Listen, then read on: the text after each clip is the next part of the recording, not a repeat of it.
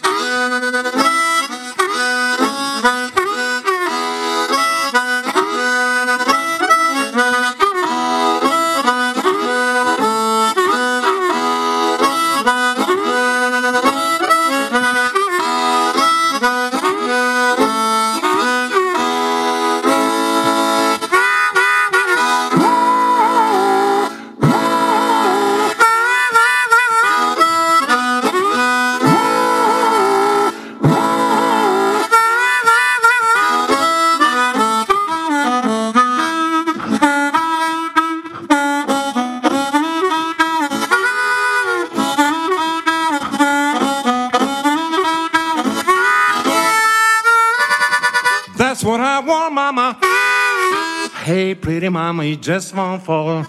Nice and easy, soft and greasy. Oh, how I love you. I'm crazy about it. I gotta have you. I'm crazy about it. I gotta have you.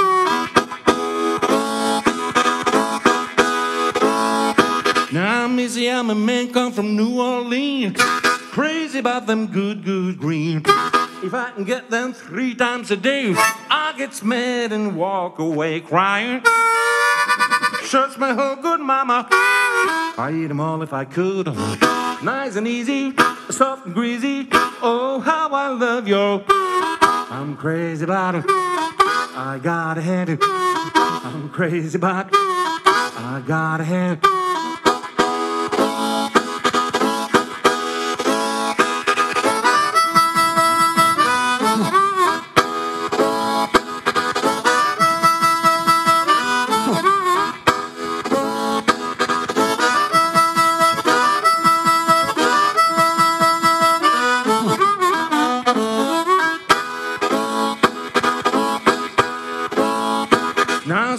Don't care what your mom don't allow.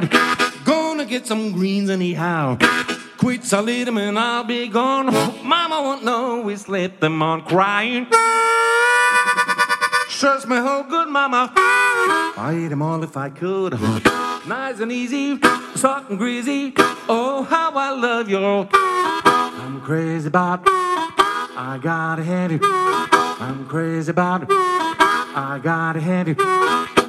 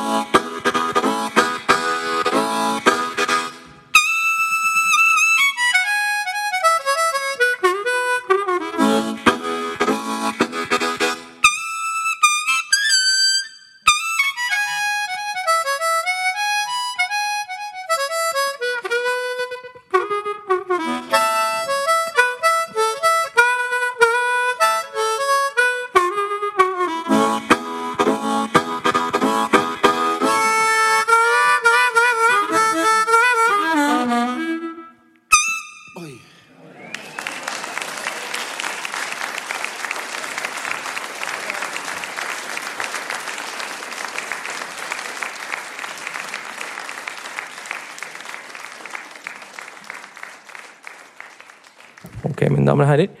Eh, tusen takk til Knut Reinsrud for en eh, utmerket musikalsk kontekstualisering av eh, det vi skal snakke om i kveld. Jeg tror jeg hørte Pegleg Sam på slutten der, hvis jeg ikke tar helt feil. Jeg heter altså da Richard Jems og er seksjonsleder for musikk på Nasjonalbiblioteket. Jeg er også bluesmunnspiller og vært skribent i Bluesnews tilfeldigvis i mange år. I dag så skal man her diskutere om ja, blues er en relevant sjanger å skrive om i vår tid. Om hvordan man skriver om blues, om musikkjournalistikk, sjangerjournalistikk og andre ting. Og vi har et panel her med da Knut Reinsrud og eh, ikke minst musikkjournalist og forlagsredaktør Øyvind Faro. Og mangeårig redaktør i Bluesnews, som da er Norges eh, eneste og ledende bluestidsskrift, Rune Endal. Eh, Og det er da Audun Winger her som skal lede oss gjennom denne samtalen. Og før de får lov å begynne med det, så skal jeg bare vise dere en eh, liten ting som jeg syns er litt stilig. Fordi Bluesnus hadde et 20-årsjubileum i fjor. Og i den forbindelse så har eh, Nasjonalbiblioteket digitalisert alle de gamle numrene av Bluesnus. Så man går inn i vårt eh, digitale bibliotek, så kan man f.eks. skrive inn Blues News i ett ord, ikke to, underlig nok. Og så får man opp alle numrene. Der kan man da se de eh, numrene som går fram til 2015. Da kan man sitte hjemme og eh, zoome inn, eh, bla fra side til side og kose seg. Og hvis man f.eks. ønsker å være ordentlig raffinert og finne ut hva vi har skrevet om ja, si Noah Louis Kanskje vi ikke har skrevet om han i det hele tatt, så kan man slå inn det. Og da får vi opp eh, det ene nummeret der det står om det, og så kan man finne da teksten eh, gulet av inni. Så er det masse ting dere kan gjøre når dere er ferdige med å sitte her og høre på hva disse herrene har å si i dag. Så med de ti få velvalgte ord, så ønsker jeg dere velkommen.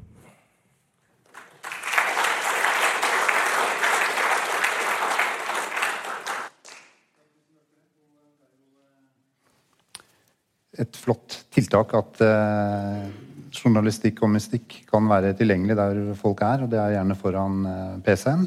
Eh, så den må dere benytte dere av eh, sultne. For der er det veldig mye, veldig mye stoff.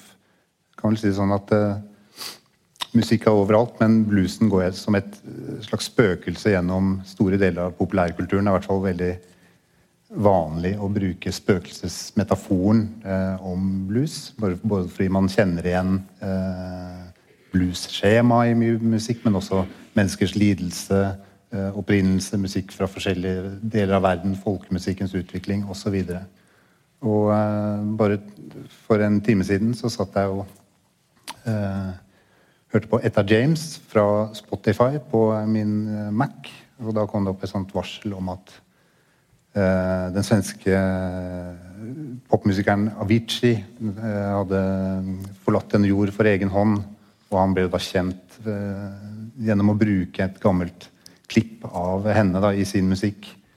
Og en halvtime før det igjen så var det den store rapperen Kanye West som hadde gått ut og eh, støttet Donald Trump og mente at det var på tide å la lidelse, lide, slavenes lidelse ligge i fortiden og ikke være ofre. Så eh, han ville ha eh, den afrikanske-amerikanske kulturen videre eh, vekk fra lidelsen.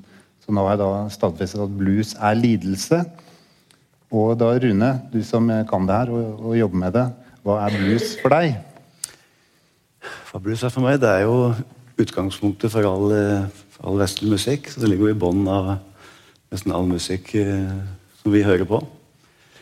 Eh, det er klart, For meg personlig så vokste jeg opp på 60-tallet, så jeg eh, ble født midt i bluesboomen som nådde Norge på 60-tallet, så jeg er jo prega av det. Alle de britiske banda som eh, tok den amerikanske musikken og gjorde den til sin. Som Rolling Stones, Animals, Spencer Davis Group, alle de her. Så det var nok mitt utgangspunkt for bluesmusikk. Og senere så oppdaga jeg den amerikanske, da. Men eh, er det Når du er redaktør for Blues News, føler du at du er eh, At du passer på en eh, sjanger som trenger å passes på? Eh, Selv om den er en del av eh, det meste av musikken vi hører på, så er det noe som trenger å tas videre, og, og, sånn at den ikke forsvinner? Ja, det, det er klart det er jo viktig å, å, å skrive om det og opplyse folk om det, for det er jo Sjøl om vi har noen topper av og til med artister som blir kjent for, for, for store grupper med folk, så er det jo en slags undergrunnsmusikk som er viktig for eh, oppmerksomhet. eh, som blir synlig og ikke blir borte. Hvor ofte er det blues kommer tilbake? For eh, det er vel en slags syklus, det også, med Ja, det er vel kanskje 30 år som gjelder der, da. Så det- 60-tallet var jo den store bluesboomen, og så kan vi si at i Norge så ble det en slags liten bl- bluesboom på 90-tallet. Og det er jo den, eh, til den epoken der som bladet vårt er tufta på. For Da ville alle, ikke alle, men veldig mange flere ville høre bluesmusikk på begynnelsen av 90-tallet. Og det grodde opp eh, veldig mye festivaler og, og klubber og, og band i Norge på 90-tallet. Så det var 30 år etterpå. Ja. Er det bare to år igjen, da. Så er det på'n igjen. Det er herlig. Det blir bra. da. Har man noe å se frem til. Men uh, det virker som at uh, bluesen i alle fall er et godt organisert uh, fellesskap og en, en sekt. Da. Det sånn sett fra utsiden. Altså, jeg er ikke på hver eneste bluesfestival eller dukker opp på, på, på, på bluesklubber, men det virker som om liksom, alle er med, alle veit når det skjer noe. Folk dukker opp på festivalene, og er, folk er medlemmer av blues, rett og slett. Ja, det blir som en slags familie, det faktisk det. Det gjør det. En bluesfamilie som møtes på festivaler og går- og besøker hverandre rundt om i klubba. Og, Så det er jo en sånn eh, ja, en gjeng som kjenner hverandre. Og hvordan er eh, hverdagen for en bluesredaktør? Mye misere og brutte deadlines og brutte løfter. Ja, jeg har jo Altså, det Ja, ja det er nok helt sikkert. Men jeg sitter og har kontakt med hele med miljøet. For vi har, det er jo ikke mange som sitter daglig og jobber med blues i Norge, så det, jeg har jo veldig kontaktflate ut til grasrota i, i, i Norge. Så jeg, det er jo, daglig er jo å snakke med alle mulige folk rundt om i Norge om, om blues og hva de holder på med, og konserter. Og. Det er også vanlig å klage på at det er ikke nok om ditt og datt i mediene. Folk tar ikke vare på Folk ser ikke det er alltid bra som skjer. Hvordan er sånn tilstanden altså Bluesnuss er bra, men hvordan er det med andre typer aviser, TV, radio? Blir bluesen hørt der i det hele tatt, føler du? Det sitter jo en kar ved siden av deg som gjør noe, men Ja. bortsett fra det Det er bare meg. Jeg må vel si at det er ganske fraværende i media. må jo det. Jeg husker Janne Rosenquist, eh, legendarisk bluesentusiast i Sverige. Han, han introduserte et veldig bra begrep på 70-tallet. Han kalte det for dagens bluesfiendtlige samhelle. det sto svart på hvitt. Dagens bluesfiendtlige samhelle. Det er bra. Men det er vel ikke så utrolig bluesfiendtlig i Norge? Sånn, Det er mange som klager over at det er for mye blues. Altså, den norske eh, musikkforståelsen er liksom tufta på på blues Det er mange som har, ja, mange som har skrevet det i eh, illsinte kronikker osv. Så, videre. Ja. så eh, litt det norske lynnet treffer bluesen på sett og vis likevel. Ja, det gjør det. Det er rart det ikke fins et uh, P1-program for blues. Det gjorde det jo så lenge han levde, Geir Håvig. Eh, men jeg vet ikke hvordan eh, NRK har resonnert der. Men de, de mener da at blues går inn under det som er jazz og folk-sjangeren i P2-administrasjonen. Altså. Så, men ellers er vel kanskje blues i Norge litt mer sånn P1-aktig. Altså en slags folkelig strømning. Skulle jeg tro. Men alle disse begrepene om musikk, er det viktig å liksom, holde bluesen i et hjørne og, og jazzen i et annet og folkemusikken i et tredje? Så det er jo veldig populært i, i dagens uh, musikk. Det er jo uh, grensene uh, åpnet i stor grad, i hvert fall for yngre, yngre folk. Ja. Så er det, er det viktig å liksom beholde den og, og dyrke den særegenheten, da. Bare, du er jo et godt eksempel på en som driter i de fleste grenser. og Du er jo kjent som en fremragende bluesgitarist, men først og fremst er du bare en som holder på med musikk. Eh, punktum. Og, Ja. eh, og er vel et eh, forbilde for mange sånn sett. Ja, nei, og, Det er vanskelig å vite for meg hva jeg mener blues er. Det er liksom to ting. Det ene er den etnosiden ved det, altså den helt klart definerte. Jeg husker det var en dame som var på TV da jeg var barn, og hun sa 'blues is music, jazz is style'. husker jeg hun sa. Hun prentet det inn i oss, og det skjønte jeg. Altså, jazz var på en måte, er på en måte en, et verktøy for å spille all mulig slags musikk. Så det er mer sånn knyttet til en slags overbygning rundt det å være jazzmusiker, da, mens blues var liksom en, det er, blues er en musikkform, så den er akkurat der. Men etter hvert som jeg har levd og reist rundt og vi kommer til in India eller Hvis jeg spiller med Dr. El Subramani i India, så elsker de blues i India. Og det, jeg har inntrykk av at det, det de oppfatter som blues, det er noe helt annet enn en, en det som hun damen da afroamerikanske damen sa på TV den gangen. Så, så blues er på en måte en, kanskje mer en sånn, et uttrykk for en eller annen poesi, kanskje. Det er, det, det er sånn jeg tror at de ser det. Jeg tror også det. Jeg husker eh, jeg spilte med eh, Odd Børresen før, og, og han eh, og hva han heter han visangeren fra Lars Martin. Lars Martin, ja. Myhre han sa liksom at eh, Odd ber be deg om å bli med i bandet for at vi skal spille blues. Men han, han Odd vet jo ikke hva blues er i det hele tatt, egentlig. Men kanskje det er like greit. For de, de føler at det er altså de, Blues er, altså Odd Børresen tolket seg selv inn i bluestradisjonen gjennom den måten han betraktet, den måten han skrev på, og det, på en måte, det blikket han hadde. da, Som poetisk blikk. Altså, kanskje det er nærmere en slags blues i dag. da. Samtidig så er det jo eh, sånn at musikk fra forskjellige verdenshjørner eh, slekter på hverandre. Eh, altså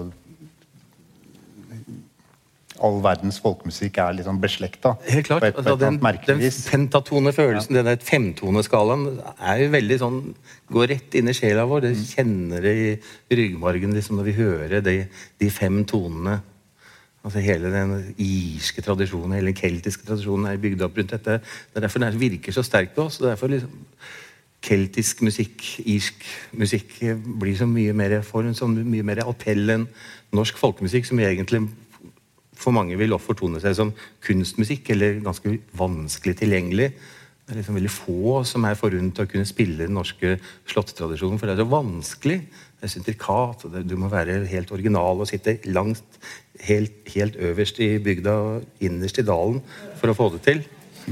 Men det, bluesen har liksom den, pentatone keltiske altså Det er jo historisk også et faktum at blues er bygget på den keltiske eller den angloamerikanske anglosaktiske kirke, eller den protestantiske kirken som var i sørstatene. Satt sammen med liksom disse her eh, motivene, altså bruken av ostinater og bruken av eh, si, gjentagelser og sånt, som fantes i den afrikanske tradisjonen. Eh, men eh, jeg tror det er noe av hemmeligheten for at den har den appellen den har. Altså det, er, det er et eller annet som du sier, det er noe veldig sånn felles menneskelig. Vi hadde jo også de der Hun Hurtur her nå på Riksscenen for en måned siden. Jo, de, de sitter jo og spiller det høres jo ut som Charlie Patten når de spiller strengeinstrumentene og synger med sånn Howling Wolf Growl-stemme. Så er det jo som å, det, er jo som, det må ha vært sånn som det var på Dockery Farm i 1929 da Charlie Patten satt der. Jeg kan ikke skjønne at Det må ligne veldig. Mm. Hva er det du føler, eh, Øyvind, når du hører musikken?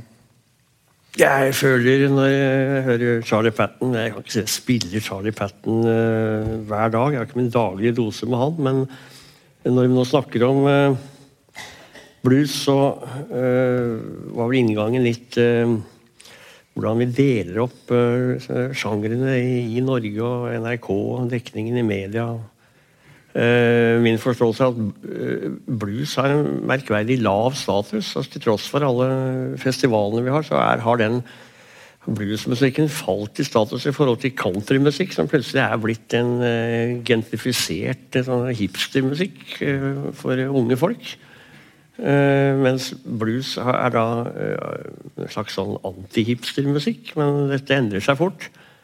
og jeg vil si at den, den sykliske gjenfølelsen av bluesen den er mye hyppigere enn 30-årsfasene. Um, du har sett deg komme og gå mange ganger? Ja, jeg har sett dem komme og gå mange ganger. Uh, ja, nå er det Blues Revival på gang igjen. Kjenner du på gikta si? Ja, jeg kjenner det på gikta at uh, nå er en, uh, en, ny, en, ny, på gang.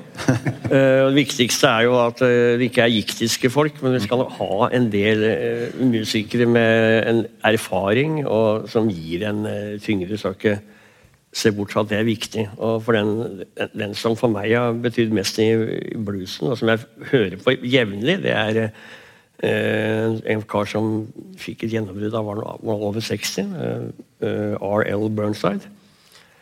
Og øh, det var noe med hele den øh, måten å kommunisere på. altså Han bare brøt altså Han selvfølgelig var blues, men altså, han hadde en unik øh, personlighet, eh, kunstnerisk eh, eh, originalitet, til tross for at han sto i en tradisjon. En tradisjon som da ikke var så hva skal vi si, besudlet av eh, samlebåndsproduksjon som eh, veldig mye av den eh, sene Chicago-bluesen som ble produsert på Alligator Records. Alligator Records har gjort veldig mye bra, men de ble jo eksponent for en sånn samlebåndproduksjon av uh, blues for uh, ja, altså resirkulering av, av klisjeene, og egentlig nokså uh, Hvor de da greide å ta ut det originale ved artistene. Men R.L. Burnside kom da fra bygda.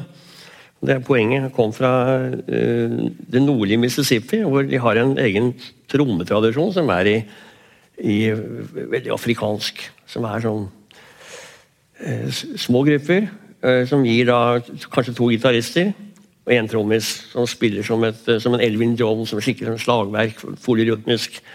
Og så er da Ariel Burnside på to akkorder og greier å gjøre noen små sånne rytmiske forskyvninger som blir hypnotisk. Og det var noe som traff på 90-tallet. Han begynte å eh, opptre sammen med Iggy Pop og Beastie Boys og John Spencer Blues Explosion. Og plutselig så var det Han var sånn helt altså, for unge folk for postpunk. og det er utrolig viktig. Og dette her eh, satte i gang eh, også musikken til eh, The White Stripe og Jack White og hele den der eh, bluesinspirerte musikken i Detroit. Det, det, er musikk som har, betydd noe for meg. Da. Jeg hører jo på veldig mye annet. Eh, men vi har Hva skal jeg si? Er, eh, jeg syns blues har en sånn fått et litt Fortjener bedre enn å bli plassert som en sånn lavt på rangstigen. Og jeg tror festivalene har mye, mye en stor oppgave med å prøve å eh, gjøre noe med, med, med, med programmene sine. Men Ser du noe utvikling der, Rune, i hvordan eh, det blir programmert? Sånn, jeg er enig med Øyvind der at det har vært veldig mye gjenbruk av artister på festivaler. og da Folk går i den samme løypa, i stedet for at noen er litt innovative og kanskje henter inn litt mer spennende, obskure ting. Så det er nok viktig at det, det skjer. Men de samme artistene dukker opp igjen fordi det funker og fordi de er gode. da. Eh, det er ikke bare sorgen, men for at det skal ha en kontinuitet, så, så trengs det andre innslag. Men på bluesfestival er det ikke så populært. og Kommer det folk hvis du eh, setter opp noen soul-artister eller eh, folkemusikk eller jazz eller bare sånne ting som er ikke, ikke har stempelet på seg, da kommer det ikke folk? Jo, det gjør vel det. Altså, Bluesrock er jo det som trekker mest folk, kanskje. Og Ja. det som nærmer seg rock and roll, kanskje trekker enda mer enn enn bluesen. Og noen ja, jazzting, kanskje, men det er ikke så mye jazz på bluesfestivaler lenger. Men det som er 60-talls-soul-type, da, sånn Stax Soul, Sam Dave, Otter Otis Redding, Wilson Pickett-type musikk, den har jo da egentlig fått en status som uh, den nye bluesen. da. Det, I USA så er 60-talls-soul det samme som blues. Så jeg sjekka nå sånn, hva står det i musikk som, på, eh, medier på nettet. da? Jo, det er nye blues. Det er Leon Bridges, som er 30 år gammel soulsanger fra Fort Worth, Texas. Og han synger veldig sånn tøft produsert, veldig sånn state of the art moderne, men han er inne i en slags sånn Al Green-type. Og Al Green er 40 år siden liksom, hvor han var ny. Ja. Så det er liksom på tide å komme over, bikke over til 70-tallet. Og, og da er det jo sånn at soul begynner å få innpass på, på Notodden. Da. Og ek eksempel på en veldig interessant artist det er en som heter JJ Gray. Uh, har et band som heter Mofro, som er sånn blåøyd soul fra Florida. Låtskriver. Uh, en slags sånn Bruce Springsteen-aktige fortellinger. Men kledd i sånn Tony Joe White-stil. da. Og med blåsere. Så det skjer ting. Ja, han, eh, Bridges kom med en ny plate i dag, og det er et sånt uh, det, ja. lanseringsevent Ja. as we speak, hvor det sitter Nettopp. unge mennesker i uh, kule klær og hører, Akkurat. hører på den. Det var derfor jeg så det. Ja. Men det der med hva som er blues, ok, det er et spørsmål som uh, går igjen i, opp, opp gjennom tiårene. Men det er ofte et spørsmål som skal besvares av hvite folk. Og det ligger kanskje et, det ligger noe konfliktstoff der. Da, at det er en hvit oppfinnelse på en eller annen måte. Sånn den, I hvert fall den eh, Ja. begreps, begrepet vi holder oss med. Liksom, Klisjébegrepet er, er en hvit oppfinnelse. Alle bluesforskerne er jo hvite. Alle kommer de bluessamlerne de dro jo ned til eh, og, og kjøpte opp eh, 78-platene. Og de så hvor det var gardiner i, og blomsterpott i vinduet, for da visste at det var stabile folk. Der bodde svart bestemor. Så kommer de og sier at jeg er en oppkjøper. Eh, Jeg kjøper alle platene dine for Eller hver plate for ti 10 cent. Jeg håper med at noe av dette kanskje skulle være en Robert Johnson-plate som er verdt 4000 dollar. Eh, Det har vært ganske mye stygt rundt dette her. og Det, akkurat denne, det, jeg nå nevner, det er tatt rett ut fra en bok jeg nettopp har lest hva heter den for noe? Kunstru, Ha, Hari Kunsrud, en indisk-britisk forfatter, som har skrevet en bok som er oversatt på norsk som heter da 'Hvite tårer'. Ha, handler om to hipstere. Og det, De blir platesamlere og benytter seg av denne si De får helt sjokk av en sånn garva, gammel bluessamler som tar med på en tur til Mississippi. Og De ser av metoden hans. Det ender jo som en thriller og blir ganske blodig og fælt. Men, eh, og denne ene hipsteren han er arving av en kjempemessig formue som er basert på eh, arbeidsleire og levi Altså eh, liksom eh, bestyrte disse arbeidsleirene på demningen mot Mississippi, som, som ble drevet som rene slaverier. Og I dag er dette her gjort om til et nytt sånn sikkerhetsfirma. De, de, driver penger, de driver virksomheten som det. Men det er, eh, det er en fantastisk eh, artig bok. Eh, Artig er kanskje ikke riktig, men er, den, den går inn i akkurat dette her. Om hvordan, hvordan de hvite har appropriert, som det heter på fint, appropriert den svarte kulturen. og Definert den. Men det er Jeg syns det er mye det er, det er noen eh, dilemmaer i det der. At det er så hvite også som det at man skal lete etter det eksotiske i andres uh, lidelse, nå kommer det ord igjen, og uh, sjeldenhet. Også I den romanen romanen du nevner, som, ikke, altså, som da er en roman, det handler om uh, oppfunnede ting, men det er også tett knytta til virkeligheten. Eh, er det disse blir opptatt av å finne jo sjeldnere og sjeldnere eh, blueslåter som mulig. Altså De begynner med å, like soul og funk fra 70-tallet, så bare graver de seg saktere og saktere og tilbake. Og han er rik, så han kan bruke så mye penger han vil. Og til slutt så, eh, eller i i starten her så driver og tar opp bare lyder, fordi det er, liksom, det, er det mest autentiske av alt. at de bare går rundt og tar opp lydopptak rundt omkring i New York. Og så ved en tilfeldighet så har de fått et opptak av en uh, fortryllende bluessanger da, som, uh, som er på dette båndet. Ja. Og det, de klarer ikke å få det ut av huet. Det er jo helt vilt. Det er jo eh, ja, det, er, selve bluesens kjerne de har funnet der. Så de mekker en låt De mekker en låt. som de legger ut på internett, og så blir den veldig eh, kostbar. 10 000, 20 000 dollar. Så de bare finner de på et navn, og så er det en som skal kjøpe den. da. Fordi Det er en gammel samler. det er en gammel samler, og fordi han kjente den artisten De som de har funnet opp. Og så går det videre. Så det er dette med spøkelser eh, Det er spøkelser. er, er gjentagende. Men eh, Knut, digger du sånn eh, altså Du er jo opptatt av historier om innspillinger og uh, musikkens opprinnelse, men den uh, måten å fantasere om uh, ukjente mennesker, er det en viktig drivkraft i din uh, blueselsk? Nei. det er ikke det. Nei. Skal jeg si noe mer om det? Eh, Ja, altså Det er jo blitt en Det er jo øh, altså, en del av dette, Det er jo platesamlere som starta bluesbølgen. Det var jo folk som samlet på jazzplater. Så begynte de å samle på bluesplater. De averterte i downbeat. Da. Så blir det sånne små sirkler, som, som folk som øh, kommuniserer med hverandre. Jeg har sånn og sånn. Så skjedde det på 90-tallet. da, Så døde jo veldig mange av de opprinnelige samlerne. Og disse samlingene med 78-plater ble tilgjengelige. Og nå har jo da prisen på disse 78-platene skutt i været. Så det er blitt et samlermarked. Mm. Uh, hvor du har en Jack White som nå gir ut plater, spiller inn plater på 78. Så det, er, eh, det som er svaret på det, tror jeg, det er at det er behov for noe autentisitet. For det er det denne boka handler om. At hipstere vil ha en autentisitet som vi ikke finner i uh, strømmingen. da. Men er det noen av dere som har mulighet for å avspille 78-skiver hjemme? Ja, jeg kan spille 78 hjemme. Du Gjør det hele tida? Ja, ja, hele.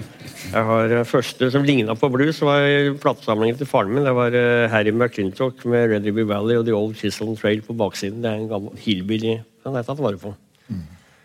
Og det, det er jo en, den tror jeg kanskje jeg verdt litt. Men Bing Crosby, White Christmas på, på 78 er ikke verdt noe. Fordi hvite, hvite altså Det som det hvite Amerika likte, er ikke verdt noen ting. Men svart bluesmusikk det er verdt mye. Det er ganske sånn tankevekkende.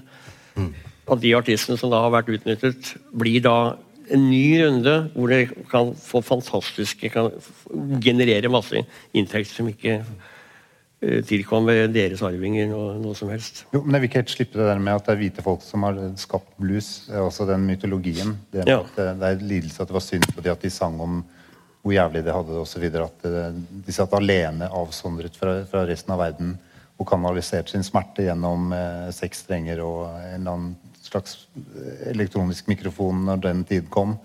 Eh, mens det i virkeligheten kanskje eh, ikke var så, eh, ikke var så ille.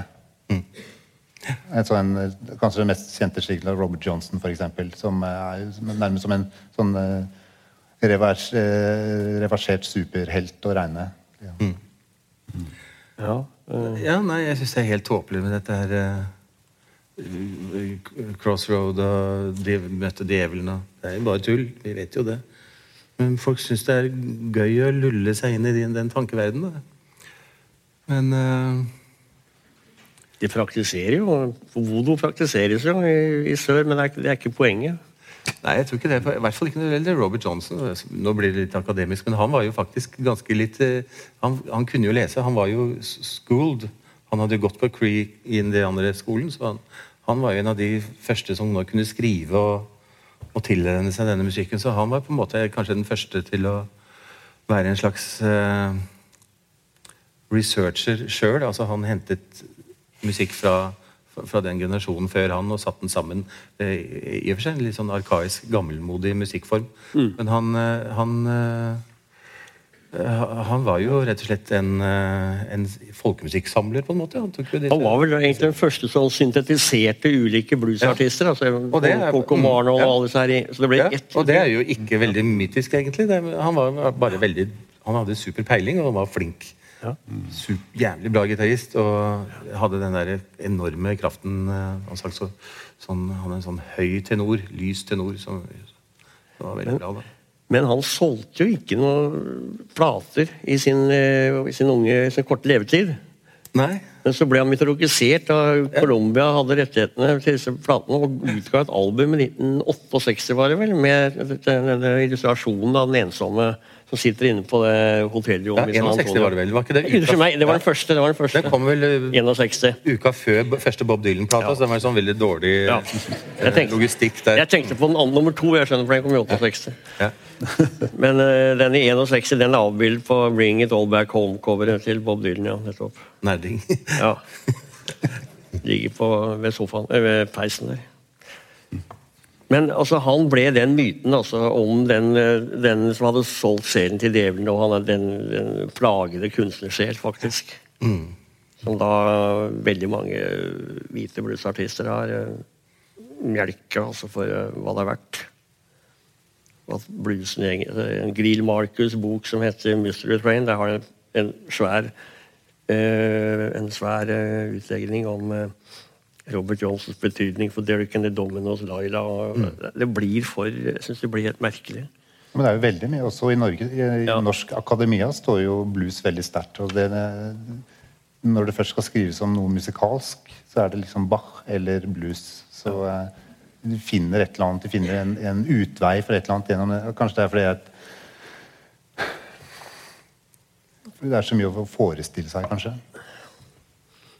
Men dere vil helst ha det der, alt, alt det der vekk? At det bare handler om musikken?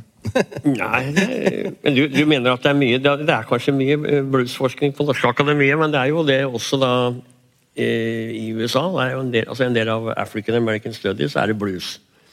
Og bindsterke verk, og nå er det om vaudeville og blues. Og det, så det er, eh, dette er en eh, det er over min begripelse. Jeg prøver å lese noen av de, de verkene. Det er, det, er, det er som å lese et hvilket som helst annet uh, akademisk verk. Som vi trenger det, men det, det, blir akkurat, det kommer veldig på avstand fra musikken. Men du har jo, Øyvind, du er jo kjent som forlagsredaktør. Men jeg har også lest deg i veldig mange år i forskjellige steder. Hvordan var det du begynte å skrive om eh, musikk sånn, eh, på en fast måte den gang da? Den gang da. Nei, det var tilfeldig. Det var eh, Vi hadde startet Oslo Bluesklubb, den opprinnelige Oslo Bluesklubb. Eh, det var også Knut med, han var, han var da 16 år. Eh, I 1977. Det var en gjeng eh, fra Blindern. Vi hørte på musikk, og det var oppstå et band rundt eh, Arkitektforeningen. Var det, det var egentlig det som ble til Bryggerigangen Bluesband. Så det var eh, et miljø rundt dette her som fikk eh, avtale med restaurant Pilen om å ha blueskonserter der. Der gikk vi sammen for å få, få til en konsert i samarbeid med Scandinavian Blues Association. Eh, og Det er viktig, en viktig organisasjon som utga, og fortsatt utga, utgir et magasin som heter Jefferson. Et av, et av de eldste bluesutskriftene i verden. Jeg begynte å lese det, jeg hadde begynt å lese det sånn i 74. Og der en eh, omtalte Janne Rosenquist var en av de fremste skribentene der. Og Så viser det seg at Scandinavian Blues Association de begynte å de hadde holdt på lenge med å få originale amerikanske bluesutøvere til Sverige. og så etter hvert, Da vi startet Oslo Blues Club, så kunne vi samarbeide med dem. Og Den første var da Otis Rush, altså in- intet mindre. Og Han sto for meg da på den tida som den absolutt ø, toppen av alt. Fordi han ja, gitarist, sanger, skribent, Willie Dixon, Chicago Blues på sitt ypperste. tenkte Otis skal vi få han til Oslo? Ja, så gjorde vi det. Så begynte jeg, så begynte jeg å skrive pressemeldinger. Gikk til Stein Kagge i Aftenposten. og så etter hvert så ble jeg spurt av Tore Olsen i, i Puls om jeg kunne skrive der. Så det første jeg skrev om, det var en anmeldelse i Göteborg. eh, American Blues Festival i Göteborg 1978. Så ble det etter hvert. Det bare ble mer og mer. Men det var jo en veldig fin periode. Vi fikk så store navn til Oslo. da, Med Albert Collins og Albert King, eh, Luciana Red, eh, Brownie McGee, John Lee Hooker. altså De fleste av dem er jo borte nå. Men så, så kom Texas-bølgen med Steve Ray Vaughan og T-Birds og Delbert McClinton og Doug Sam. Så det ble, ble veldig mye. Og så begynte jeg å reise i, i USA og treffe artister. Og når du skrev de artiklene i, i datidens uh, rockeaviser, så eh, følte du at du, fikk jo litt gjennomslag for uh, Ja, musikkinteressen din? det var, ja, det var det. Det var, faktisk, det var et eller annet der ute som folk var opptatt av. Det var det. Traff noe. Men det var, eh, altså det kom, det var, altså det var, en, det var, en, var jo faktisk en Texas-bølge. Austin på 70-tallet bygde seg opp til å bli en av de store musikkbyene, med hvor blues var en av mange retninger. Og i Austin så spilte jo da også da eh, poeng, har noe å gjøre med det vi snakket om i stad, for der spilte da artistene med hverandre fra ulike miljøer, da, som skapte den spesielle Austin og Texas-musikken. Var ikke så eh, delt opp i eh, musikkstiler. Det var ikke det der regimet der. Men Rune, eh, i et vanlig nummer av Bluesnus eh, slipper du til disse rabiate akademikerne med lange utlegninger om blues, eller vil leserne dine først og fremst ha nytt om nye plater og konserter som skal komme, og intervjuer med artister? Vi kan vel si at vi sånn stilmessig har valgt å ikke legge oss på eh, altfor smale stien. At eh, I og med at det blad i tillegg til å være et løssalgsblad også er et medlemsblad for alle medlemmer i norske bluesklubber, så har vi jo valgt å ha litt brei profil på, på innholdet i blad. Så akkurat blad, innholdet i bladet jo, favner jo nabosildarten i tillegg til eh, tillegg til trad tradisjonell blues. I motsetning til kanskje Jefferson, som eh, har valgt å, å holde seg på den litt smale linja og, og serve de som er spesielt interessert. Og da, da vil jo det gjødsle at da får du et mindre publikum. De har kanskje 1500 opplag nå, og vi har 8000. 8000 er jo veldig bra i eh, enhver ethvert blads eh, Du kan sammenligne med hva som helst, egentlig. Det er jo utrolig bra. Men det du spurte om, så har jo vi begge deler. Da. Vi har jo noen artikler som går inn på ting pga. at vi har sånne folk som Øyvind i, i staben. Og så har vi litt lettere ting for folk flest. Men sånn, øh, og, eh, Gjerne skrive folk for folk flest. Ja, så det, prøver jeg. Det er veldig mange Det er jo noen fantastiske du er jo redaktøren til Norges mest leste forfatter, Øyvind. Du Ja, jeg har iallfall vært det. Nå skal jeg snart slutte, så Men, eh, men Men eh, jeg skulle si eh, Det er jo noen fremragende skribenter altså, eh, sånn, som skriver i Oxford American, f.eks. Sånn, eh, Jeremiah Sullivan, f.eks. Så det, det, det hadde jo vært, Hvis jeg kunne skrive på den måten, så hadde jeg ønsket å kunne skrive som, som dem. Som hvem? Ja, John Jeremiah Sullivan og Amanda Petrosic som er eh, underviser Men de er, de er av den skolen som eh, fantaserer om eh, Ja, den som jeg ikke liker. Ja. Nei, jeg- de er jævlig gode, altså. Eh, Ja, og vi setter musikken inn i en kontekst og lager fortellinger. altså Det blir, altså det blir egentlig en sånn Det er, det var veldig bra gravejournalistikk. det er, altså det er, De er veldig skolerte, altså, kort og godt. Gravejournalistikk om den Last Kind Words-låta. Uh, ja. Og det kom frem noen nyheter liksom, som var uh, litt sjokkerende for uh, de som er opptatt av det. Så det er absolutt verdt å lese, selv om det også eksotiserer denne musikkstilen og de menneskene som står bak litt. Men eh, det trengs, det trengs eh, tydeligvis, da. Jeg er jo veldig opptatt av hillbilly-musikk òg, da. Jeg liker å kalle det hillbilly, jeg, da. Ikke country. Men hva tror du at, hva er grunnen til at country slår an og, og er populært både sånn Både den gode og den dårlige? Det, det dominerer jo popmusikken i USA. Ja. Eh, samtidig som det også eh, er kult å like den litt mer sære, sære typen. Hva skyldes at det funker Jeg og ikke, jeg ikke tror de, jeg tror de oppfatter Veldig mange av disse som da er øh, innenfor den nye countrymusikken, de er jo da uh, låtskrivere, slik at det kommer inn i en sånn singer-songwriter-tradisjon. Eh, som jo Det gir jo da kred da, for at det er, det er tekster som går på det personen henvender seg altså for, i, synger for deg. altså En bluestekst har ikke samme Hva skal man si Det er ikke så nyansert. da, Du skal, du skal egentlig verdsette blues-metaforene. du er mer, opp, er mer opptatt av sangeren, men eh, jeg tror eh, eh, en, en countrysanger har en måte å Det er egentlig en ganske raffinert måte å lage fortellinger på. Det har man liksom Nashville-industrien som har Ja, det det som peisa godt. Eh, Det, det starta med Cash. Altså hele, ja. Det er en lang historie. Altså Johnny Cash uh, comeback med Rick Rubin som produsent det er interessant, for det har en hel sånn uh, gubberenessanse fra 90-tallet. Er liksom Rick Rubins stempel på det, så er det veldig bra. Og jeg syns egentlig Cash var best på Sønn, da. Tidlig i Colombia. Men, uh, men, men er, de er liksom fortellere på en annen måte enn blues. For at den- blues er en litt arkaisk Det er noe arkaisk ved det, er det ikke det? Knut? Ja, derfor er jo problemet er altså, hva er blues det utgangspunktet? Eh, hvis man hele tiden driver og tenker eh, 'keeping the blues alive' som et sånt ledetråd, så, så ligger det noe veldig sånn sementerende i det. Altså man, man eh, ønsker å beholde blues som blues. Altså, hvis man slipper musikken fri, så, så, så tror jeg kanskje man kan risikere at det begrepet blues blir borte, men, men, men musikken vil jo eksistere uansett. Det vil bare ta nye former. Altså, det er jo selvfølgelig folk som vil hevde at Og det med god øh, Med rette, vil jeg si.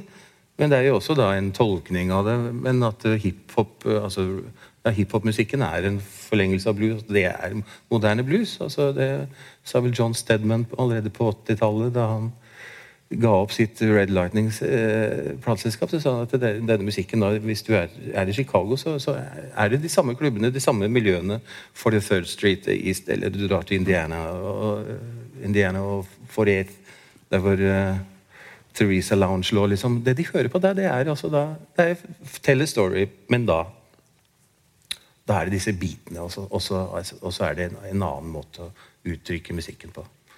Og det er vel noe av kanskje hemmeligheten bak uh, Burnside også. at Det er jo egentlig en slags rap, det han driver med. Det er fortell, malende, fortellende, og det er suggererende, og det, er, det har denne herre elve det, altså, eh, den følelsen av at du flyter. altså Det går horisontalt bortover. Det er ikke denne uh, voldsomme st- staffasjemusikken. Det bare flyter av gårde, og det er en slags fenomenologi i, i låtene. da. Det tror jeg Det er, det, er det, det er der appellen ligger. Og så kan man etter hvert se hva, som skjer med begrepet blues. Det blir kanskje min underordnet da. Han ble jo ikke altså, unnskyld, altså, eh, Burnside og, altså, Han var jo på et merke som het Fat Possum. Han ble starta. En New York-hipster og en tidligere redaktør av Living Blues i Oxford, Mississippi. Midt i hjertet av dette her, uh, fattigbeltet. da, Mens Oxford som universitetsby er jo en, av de beste har, er jo masse rike, hvite studenter som går der. da. Er jo berømt for, beryktet for den ekstra den svarte studenten James Meredith som kom inn der i 1962. ikke sant? Så det er jo Dylan sang Oxford Town, men uansett, der er det, det er et bluesmiljø der, og det er eh, Rett utafor campus så er det folk som i, i en, Man kan romantisere dette her, og det er det som er litt med Fat Possum. De har ikke romantisert det, men de har greid å kommunisere. Dette her var artister som hadde en sånn, hva skal vi si, var en type sånn gangsterrap fra bygda, liksom. Og så var de ikke redde for å koble countryblues med, med rappgrupper. Så ble det den eh, appellen, og Burn, det ble ikke gjort noe hemmelighet at Burns hadde sittet inne, og så ble jeg, og Fivold får da drept folk. og så, var så Hele den der gangsterbakgrunnen ble brukt for hva det var verdt. Men altså, du nevnte jo eh, at Rick Rubin eh, jobba, med Cash, som er noe av et sånn sentralt vendepunkt i Ja. deler av musikkindustrien de siste når var det 20 år siden. nå. Det er- ja. Men eh, i litt mindre skala så har jo det eh, no, eh, lignende skjedd på Anti Records og liksom Joe Henry og eh, eh, liksom det å plukke frem Det er litt mer soul, men det går under det du kaller blues. Ja. Den nye bluesen er soul, liksom. Med Mavis Solomon Burke og Betty Lavette og og, sånne, og Lavette, ja. Ja. Ja, så det er som å innhente altså Hele tiden så er det snakk om å innhente folk som hadde en veldig kort tid i, eh, i, eh, i rampelyset. Og så, så har de da gått for lut og kaldt vann og spilt sånn Plutselig så har de fått et nytt publikum, så får de ordentlige kontrakter og får betaling. og sånn, det er orden på sakene. Og så spiller, spiller de for eh, publikum som verdsetter dem. da, Men jeg vet ikke om de egentlig da De er fjernet seg altså litt fra sitt opprinnelige publikum. men men det, er- det syns jeg er en veldig bra og viktig side da, med bluesfestivalen. At de hekter seg på dette. da. Men da vil jeg gjerne at de har med seg bra musikere, ikke har med seg et, eh, et billig pickup-band fra Europa. Du stryker det på boks, var du Ikke sant? baterist. Gjerne høre like bra låt som de har på plata til Joe Henry. Men Knut, eh, han nevnte at du fløy rundt som en 16-årig bluesfantast, og det kan man også sånn se for seg som en sånn tegneseriefigur. The only blues fan in, in the village, holdt på å si. Men sånn, eh, hva var det du ble hekta på av den, av den musikken som ung gutt? Og var du liksom aleine om dette i, eh, i omgangskretsen? Ja, jeg vet ikke. Vi hadde eh, Broren min og jeg vi eh, rappa kassettspilleren til søsteren min, som, hadde, som var seks år eldre enn meg. Eh, så, hun, da hun ble konfirmert i 1970, og da fikk hun kassettspiller. Og så fikk vi tannbeieradio, og da fikk vi en eh, svensk radio plutselig. Det hadde vi ikke hatt. Da hadde vi bare hatt norsk altså det, Før så var det bare én knapp på radioen, og det var NRK. Og der var det fiskerinyheter, mener jeg å huske. Eh, men eh, så fikk vi en eh, svensk radio. Det fysk, altså, de kassettene vi tok av Jeg må ha vært veldig interessert i musikk, for jeg husker alle de kassettene. Det, første, det var jazzklubben først da Norge, på norsk radio. Det var én kassett med tyrkisk jazz, og den hørte vi masse på. Så veldig mye av det Veldig mye av det jeg spiller på gitar, hører jeg de der strofene fra den tyrkiske jazzen. Den, den, for jeg lærte meg de tyrkiske jazzlåtene. da. På NRK. Og så var det et program om Miles Davis. Med, da var vi litt 71, så det var McLaughlin på gitar. og så det fikk jeg ikke til. Men, eh, men jeg hørte noe på det, og så var det Mikael Urbaniak. Han, polske fiolinisten. Han var på Klubb 7. Det tok vi opp. Så det er, det er bare sånne, mi, sånne påler som står i livet mitt. De der kassettene vi tok opp. Det var 30 minutter på hver side. Så snudde vi. Så tok vi opp det, og så hørte vi på det om igjen om igjen. om igjen.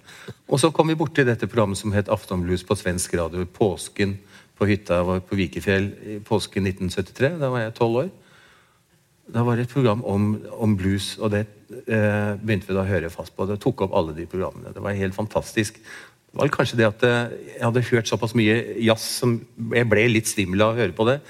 Eh, men jeg syntes det var bra, da. Men, eh, men så hørte jeg denne bluesen, og den skjønte jeg liksom. Tror jeg skjønte den bedre. og hadde, Den hadde noe av den samme appellen, hadde noe av den samme rytmen og noe av den samme klangen og domen, men eh, den var liksom Ja, den talte, spilte veldig til meg, da. Så det var egentlig sånn det begynte, og da var det, tok jeg opp disse kassettene. og Da husker jeg alle disse kassettene. Jeg, men det blir jo veldig kjedelig for dere å høre på. Hver onsdag så tok jeg opp disse radioprogrammene. Så det ble jo De var halvtimesprogrammer. Altså det var annenhver uke som måtte vi få en ny kassett. Moren min jobbet i NRK, så hun, eh, hun kunne få sånne gratis skoleradiokassetter. Og så da bare teipa du den der hvor de hadde forseglet De hadde lagd sånn høl, så kunne du teipe under på kassettene. Eh. Så hvis vi hadde gratis kassetter, så sto NRK på det. Mm. Tok opp bare svensk radio. Sånn var det begynte. Ja, det er flott. Ja. Nei, eh, Knuts kassetter er for øvrig bra radioprogramtittel, men eh, det har nå den samme auraen som disse 78-platene som alle leter etter. Nei, men liksom hva eh, det, ligger sånn Ok, at det må, må videreutvikle seg. eh, Blitt nevnt til det kjedsommelige her, men Rune som, som følger med og, og, og lager blad om dette, er det liksom noen hva er det noen tendenser til altså den nye bølgen som da skal komme om to år? Eh, er det noen indiser på hva den skal inneholde? Går det, går det i noen retning? Blir det mer rock? Er det, går det tilbake? Er det liksom bare gitar? Er det noen tendens? Jeg tror vi venter på et generasjon, generasjonsskifte nå. Ja. At vi må få yngre folk til å fatte interesse for noen deler av eh, det som er tangerer til blues. For nå er litt, Miljøet er nok litt satt, og folk er veldig voksne som er høye på blues og er med i den omtalte menigheten. Ja. Så vi trenger kanskje en ny Steve Ray Vaughan eh, eller noe for å backe folk igjen. Og så er det jo eh, et kort blikk på scenen her minner meg om eh, noe som er viktig i mange andre sjangere og i kulturen generelt. Det er eh, å, eh, å få litt sånn kjønnsbalanse. Åssen står det til der i bluesen, egentlig? Jeg tror ikke det er så aller verst, egentlig. Mye av at det er en sosial menighet. så... Ja.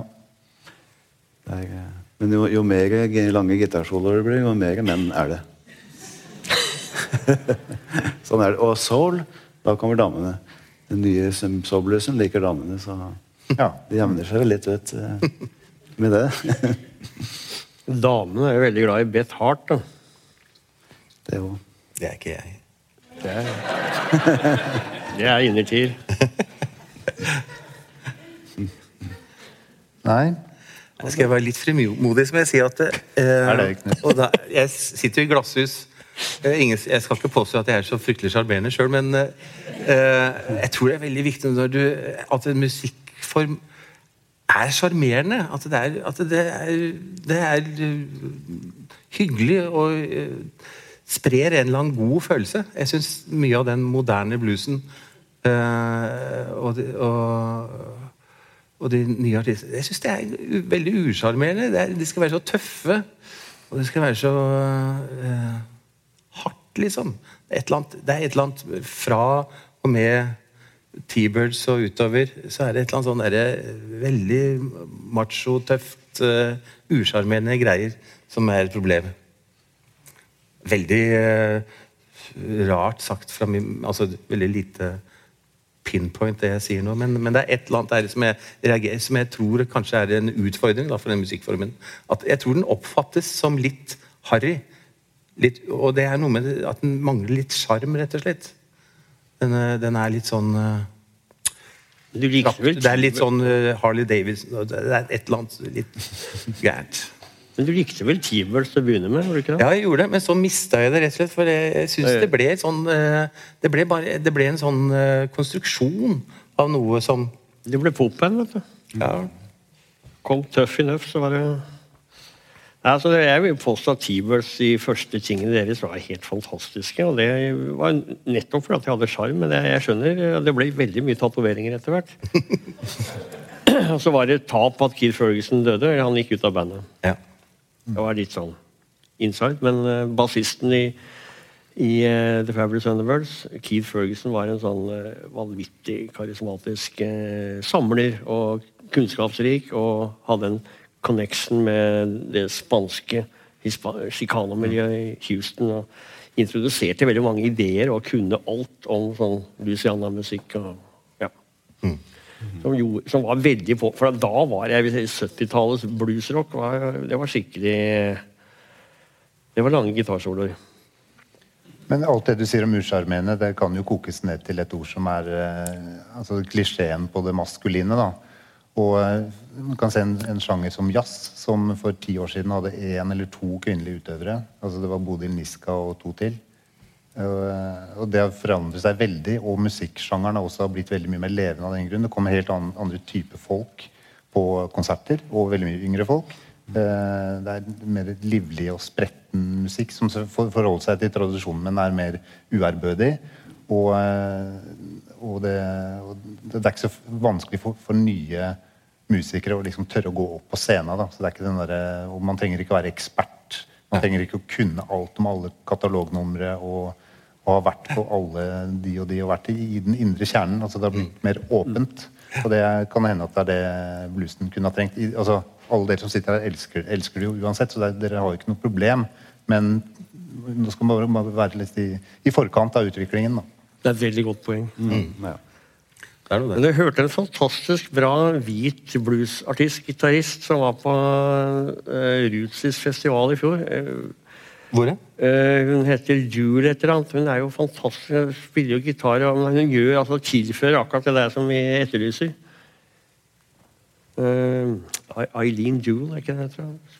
Sp- Spiller, hun spiller Otis Rush som det var Otis Rush, men bare at hun er en dame og gjør noe annet med de sangene. Det blir faktisk noe helt annet. Spilte på samme kvelden som det var North Mississippi Allstars. Spilte her i byen. og så Et annet band som gjør veldig mye for å åpne bluesen og blande inn flere uttrykksmåter. Og, som er helt altså de, er det bandet jeg vil påstå eh, gjør noe. Sånn fornye bluesen.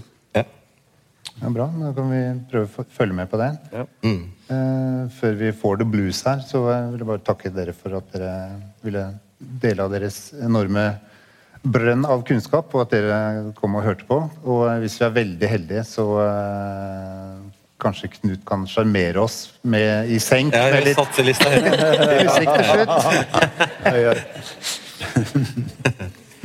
Snakk om å gjøre det vanskelig for seg sjøl. Du har jo sjarm, du, Knut.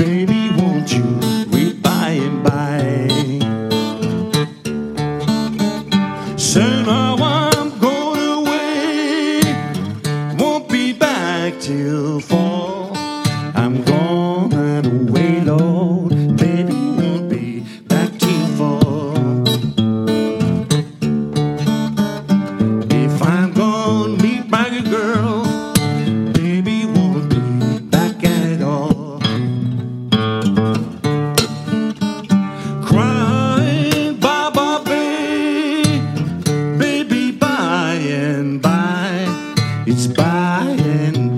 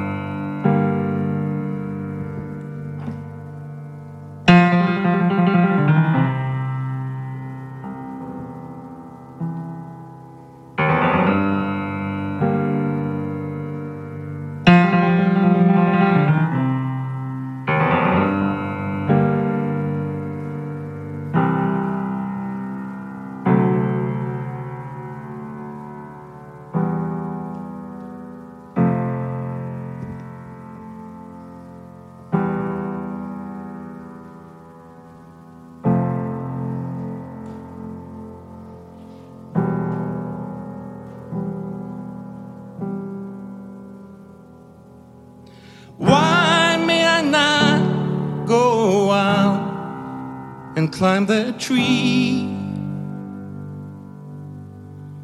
Trees got fingers that will steal the ice from thee. Why may I not go out and play in the barn? The barn hand will take you and drown you in the tar.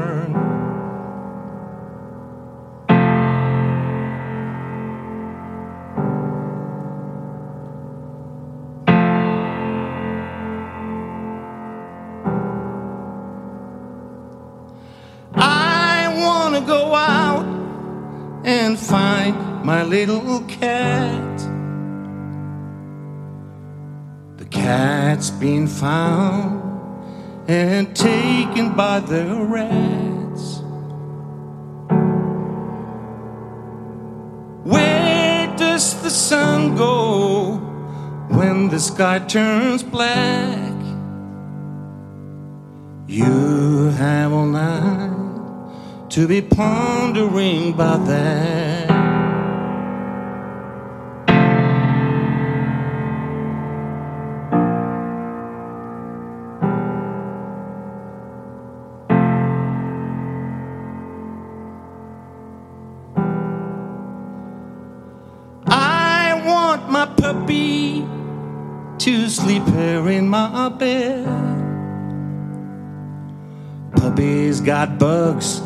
Lay eggs inside your head. Why may I not stay up and be with thee? Cause I don't like children who don't want to sleep.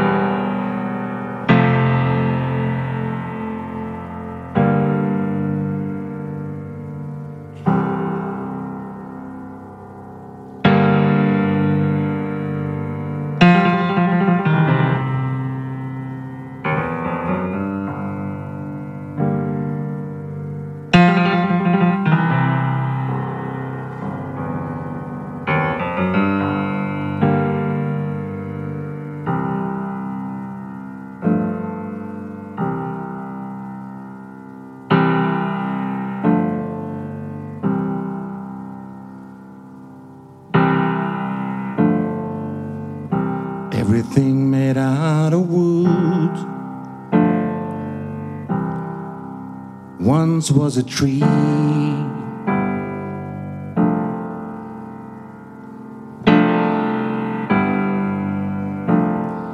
And man put it into stuff to be understood by fools like me. Cause everything made of wood once was a tree.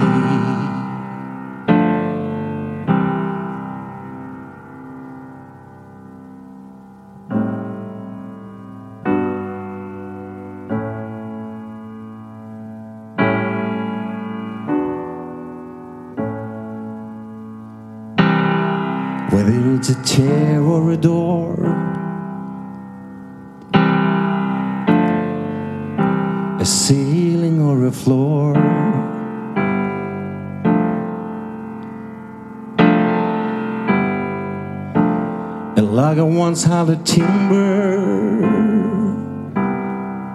and a tree came tumbling down. Cause everything made out of wood once was a tree.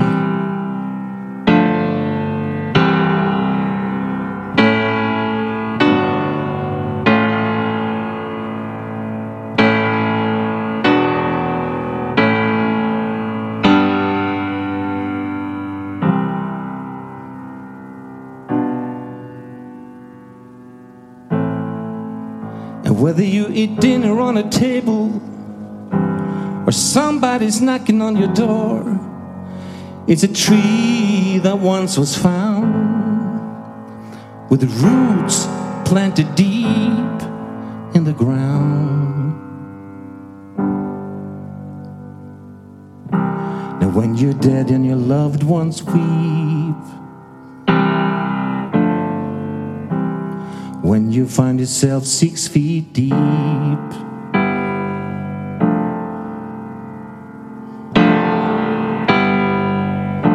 You're really not in a coffin.